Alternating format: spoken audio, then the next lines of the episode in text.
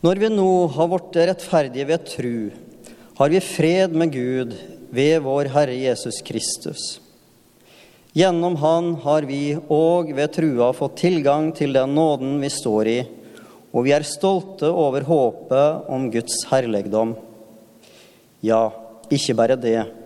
Vi er òg stolte over lidingene, for vi veit at lidinga gjør oss utholdende.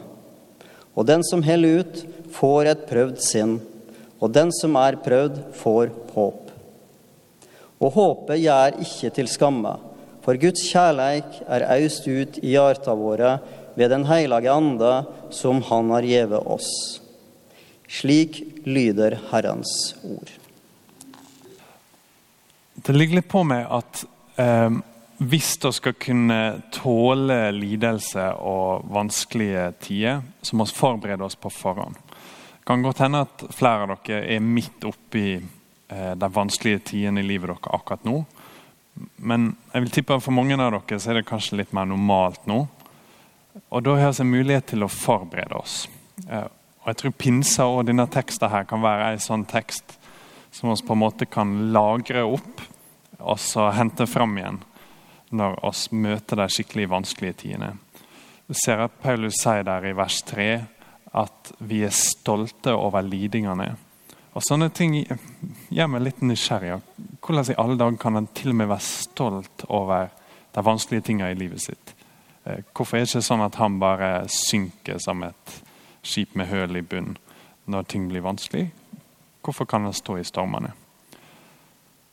Nøkkelen til det er Den hellige ande og Guds kjærlighet, så det skal vi se på i denne teksten. her. Paulus begynner med å si at vi vet at lidingene der i vers 3 gjør oss uttalende. Og Den som heller ut, får et prøvd sinn, og den som blir prøvd, får håp. Så han er sånn steg for steg. Ok, oss lider. Da blir oss utholdende når vi ser at det går bra når Gud til og med er med oss i de vanskelige dagene. Hvis det hadde vært sånn at Gud bare var med oss på solskinnsdagene, så hadde vi ikke hatt noe utholdenhet når lidelsene kom. Men hvis han er der også i de vanskelige tidene, så fører det til en utholdenhet. For oss får på en måte prøvd sinn, sier han, og den som er prøvd, får håp. Og Da kommer vi til vers 5, som jeg tenkte vi skulle bruke hele tida vår på i dag, for her er verset til pinsa. Og håpet gjør ikke til skamme, for Guds kjærleik er øst ut i hjertet vårt ved Den hellige ande, som Han har gitt oss. Jeg har funnet frem et sitat til dere fra en eh, hva som levde for lenge siden.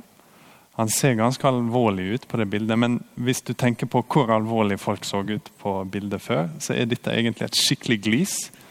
For denne mannen var kjent for å være en skikkelig mild og god kar. De som kjente han, eh, beskrev han som en som drypper honning. For han var så full av på en måte søte, gode ord og ting som virkelig treffer hjertet. Så han er, han er kjent for ei bok som virkelig er sånn. Jeg kan anbefale den. Den heter The Bruce Reed. Han er egentlig bare kjent for den boka. Det er sikkert ingen av dere som har hørt om han. Så Derfor tenkte jeg dere skulle få se Glisas på et bilde. Jeg vil tippe han er ganske fornøyd med det skjegget også. Eh, men eh, hør hva han sier. Vi bør vurdere ting nå slik vi skal det i det neste livet, da vi ser ting slik de er. Eller når vi er i offentlige trengsler, eller når vi skal dø og sjela samler seg fra alle andre ting til seg sjøl. Vi bør se tilbake på våre tidligere erfaringer og se hva som gjorde godt, eller hva som var best i våre verste tider. Og så kommer gullet. da. Hvis nåden er eller var best da, så er den best nå. Det er et ganske enkelt poeng. Han sier se tilbake. Hvis du har et prøvd sinn på en annen måte, hvis du har vært gjennom erfaringer der det er vanskelig. Han har noen eksempel med offentlige trengsler. at Kanskje, ikke, kanskje det har skjedd trasige ting rundt deg. Eller det mest voldsomme, at du har vært døden nær. Og sjela samler seg til seg sjøl. Plutselig er det ikke så viktig med alle disse tingene rundt deg. Når du ser folk som er døden nær, og som virkelig klenger seg til håpet i evangeliet, så er det utrolig hva ting de legger fra seg. De ikke, det kan hende de er veldig opptatt av praktiske ting. Og det er ikke helt uvanlig det, at når du ser at livet ditt går mot slutten, så kommer du på mange ting du skulle gjort. Jeg skulle hengt opp flagget i dag, det har jeg glemt. Pinsedag er en flaggdag. Så det er sånne ting som jeg går og tenker på. Men på et dypere nivå, når du ser at livet går mot slutten, så må du klemre deg til et stort håp. sant? Og det er det han sier. Når, I disse voldsomme tinga, hva er det som tåler det? Hva er det som er stort nok da? Og spør se tilbake på våre tidligere erfaringer og se hva det var. Hva var det da som gjorde godt? Hva var det som var best i våre lidelser? Hvis det var nåden som tålte det, hvis nåden var best da. Og det ser han sier er, hvis nåden er best da, for det kan hende du er midt oppi det. sant? Hvis nåden er best, eller var best i dine tyngste tider, da er den det også nå. At Hvis det er sånn at når din siste dag kommer, så er håpet ditt og planen din om at du skal søke Gud og lene deg på hans kjærlighet, og at det skal kunne stå i den voldsomme testen som, den, som det er, det store øyeblikket, så betyr det at da kan du også gjøre det nå. Det kan ikke være sånn at det bare tåler liksom de store tsunamiene og de voldsomme tingene, og ikke de små krusningene av hverdagen. Så han drypper litt honning på oss. Han sier at ok, se litt tilbake. da. Se Guds kjærlighet til deg tidligere. Se håpet du har i Gud i de store tingene. Ta imot det nå også. Det er litt sånn Ofte når, når, jeg er med folk som er på det siste, så tenker jeg åh, jeg skulle ønske jeg hadde med alle jeg kjenner, sånn at de kan høre det du sier nå. For folk har ofte ei utrolig skinnende tro. Når det er kristne som er på det siste, og som vet de skal dø, så er det av og til at trua deres stråler som ei sol. Og Det er ikke noe som alle får se. Eh, og Det er på en måte ikke så lett å gjenfortelle heller. Jeg blir liksom usikker på hva jeg kan fortelle. sant? Men det jeg kan fortelle dere, eh, er noe som jeg leste i en bok for litt siden. Der er en svensk forfatter som heter Jan Guillou, som har skrevet tre bøker som liksom skal være fra middelalderen. Han har dikta opp alt. Der det er en eh, svenske som heter Arn Magnusson i de bøkene, som det skjer masse med. da. Han blir eh, ridder, og det er ikke måte på. En av sine venner er konge og så skal han dø. Og Dette er middelalderen, så kong Knut, som han heter, blir ganske stressa for eh, Han har lyst til å få den siste olje som eh, katolikkene holdt på med da. Tanken var at du kunne få det ene sakramentet som den katolske kirka hadde, tettest mulig opp til døden din, den siste olje. Vi praktiserer ikke det i den lutherske kirke av mange gode grunner. Og en av dem er at kong Knut er veldig nervøs, for han vet ikke om han kommer til å få den. Han har en prest i nærheten av seg som ikke liker seg. og hva, hva kommer Gud til å tenke når han ikke har fått den siste olje? Så han er skikkelig nervøs. Og Så sier han her Arn Magnusson til han da at OK, du er en konge. Du kan av alle gå til Gud og gå rett til han. Ikke gå via en av helgenene ikke gå via et sånt sakrament. Gå rett til Gud og be om nåde. Og så er det ganske fint i den boka at da skjer det. Da ber kong Knut, og så møter han Gud. Og så er det en endring i han. Han får en virkelig levende tru på det siste, og så dør han. Men så sitter jeg igjen og tenker ok, hvorfor bare da? Hvorfor skulle han liksom vente til rett før han dør? Kunne ikke han gjort dette litt før? Kunne ikke han levd et liv i denne håpet? Og hvis det håpet er stort nok for han, da har vi akkurat lært av Baxter, så handler det også vært stort for han, og stort nok for han i resten av livet.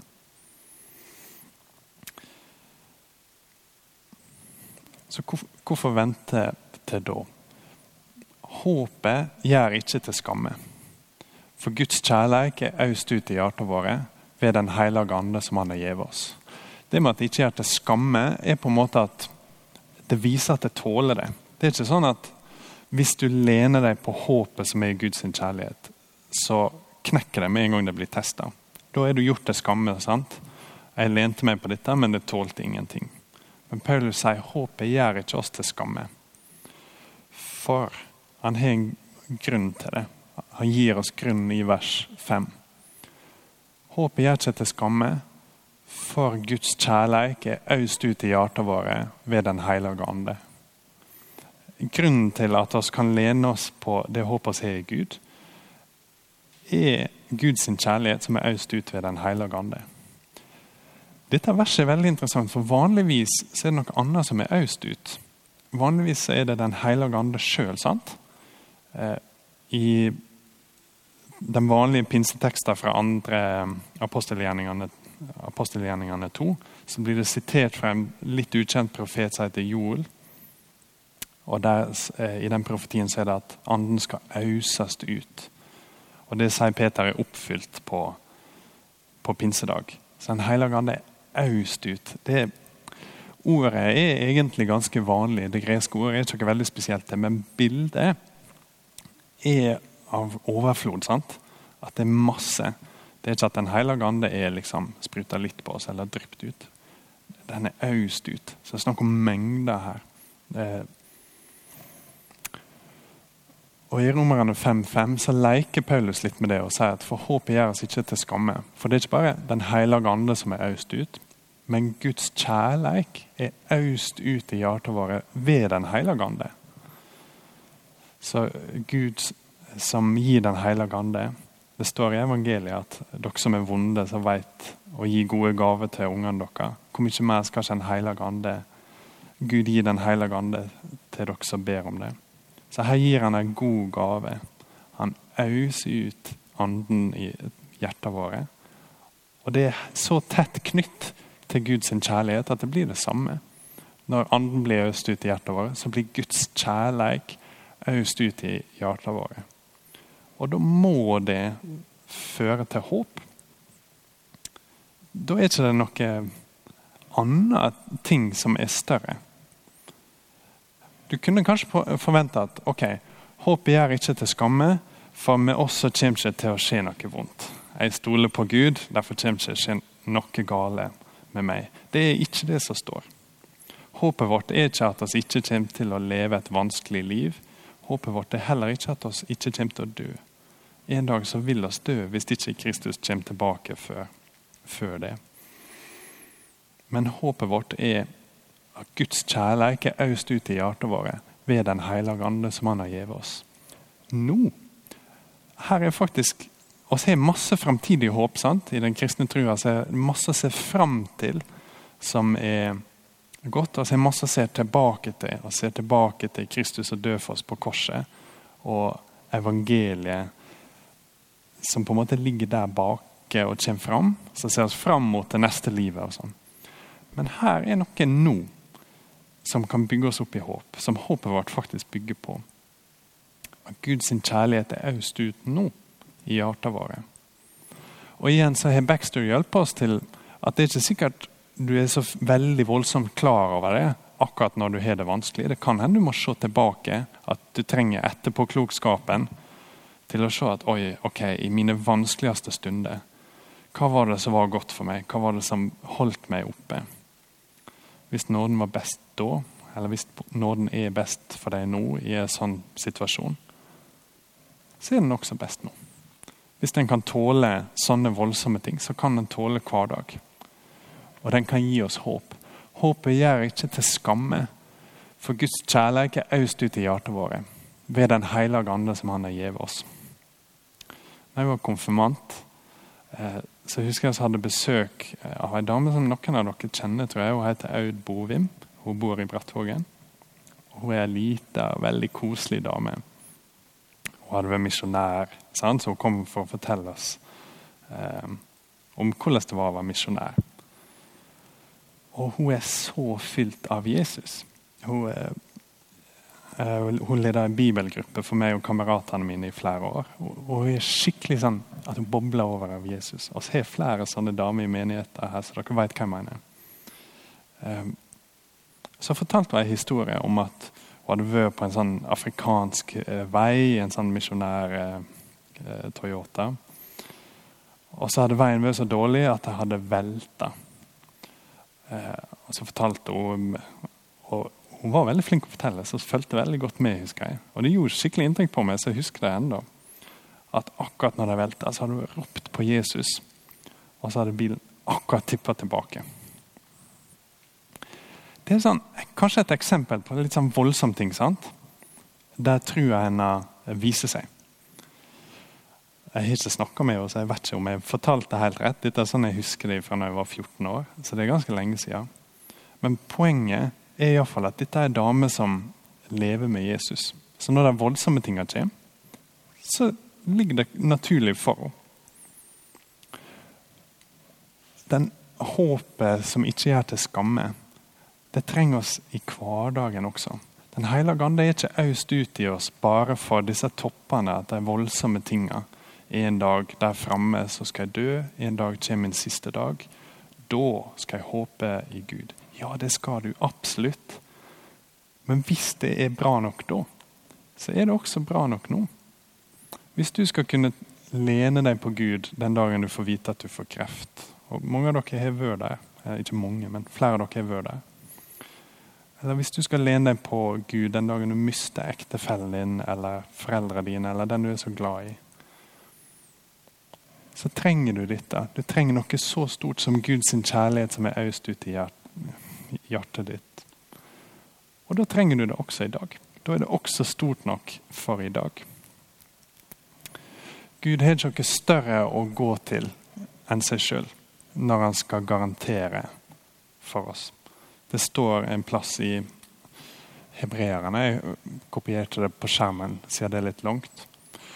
Da Gud ga Abraham lovnaden, svor han ved seg sjøl, for han hadde ingen større å sverge ved. Han sa sannelig, jeg vil velsigne deg rikt og gjøre et av de tallrike uten ende. Og Abraham venta ved tålmod og fikk det Gud hadde lova han. Så hopp oss litt. Der står det noe om at oss mennesker sverger med det som er større enn oss sjøl, men Gud kan ikke gjøre det, siden han er det største. Denne vona er et trygt og fast anker for sjela. Den når innenfor forhenget dit Jesus har gått i føreveien for oss. Han som til evig tid har blitt øverste prest av samme slag som Elkisedek. Skal ikke gå inn i akkurat det siste nå, men det jeg hadde lyst til å vise dere var det med at han svor ved seg sjøl. For han hadde ingen større å sverge med. Håpet gjør ikke til skamme, for Guds kjærlighet er øst ut i hjertene våre ved Den hellige ande. Det er på en måte dette han gir som garanti når ting er vanskelig, eller i hverdagen. Han gir seg sjøl. Han har ikke noe større å gi enn sin kjærlighet og sitt nærvær. Så derfor gir han oss det. Hva kan han gi deg som er større enn seg sjøl, for å bygge håp i deg? Hva kan han gi som er flottere og vakrere og kraftigere enn si hellige ande? Det har han allerede gitt. Jesus sier, 'Den som tror på meg, fra hans indre skal det, som Skrifta sier, renne elver med levende vann.' Så blir det forklart for oss. Dette sa han om anden de skulle få, de som trodde på han. For enda var ikke anden kommet. For Jesus var ennå ikke herliggjort. Håpet gjør ikke til skamme, for Guds kjærlighet er øst ut i hjertet våre ved Den hellige ande, som Han har gitt oss. Hvis nåden var best da, så er den best nå. Og ber. Gode Gud, Takk for Den hellige ande som auser din kjærlighet ut i hjertet våre. Og ber om at vi skal kunne stå i håpet når vi blir prøvd, og at vi skal kunne leve i håpet hver dag livet igjennom. Amen.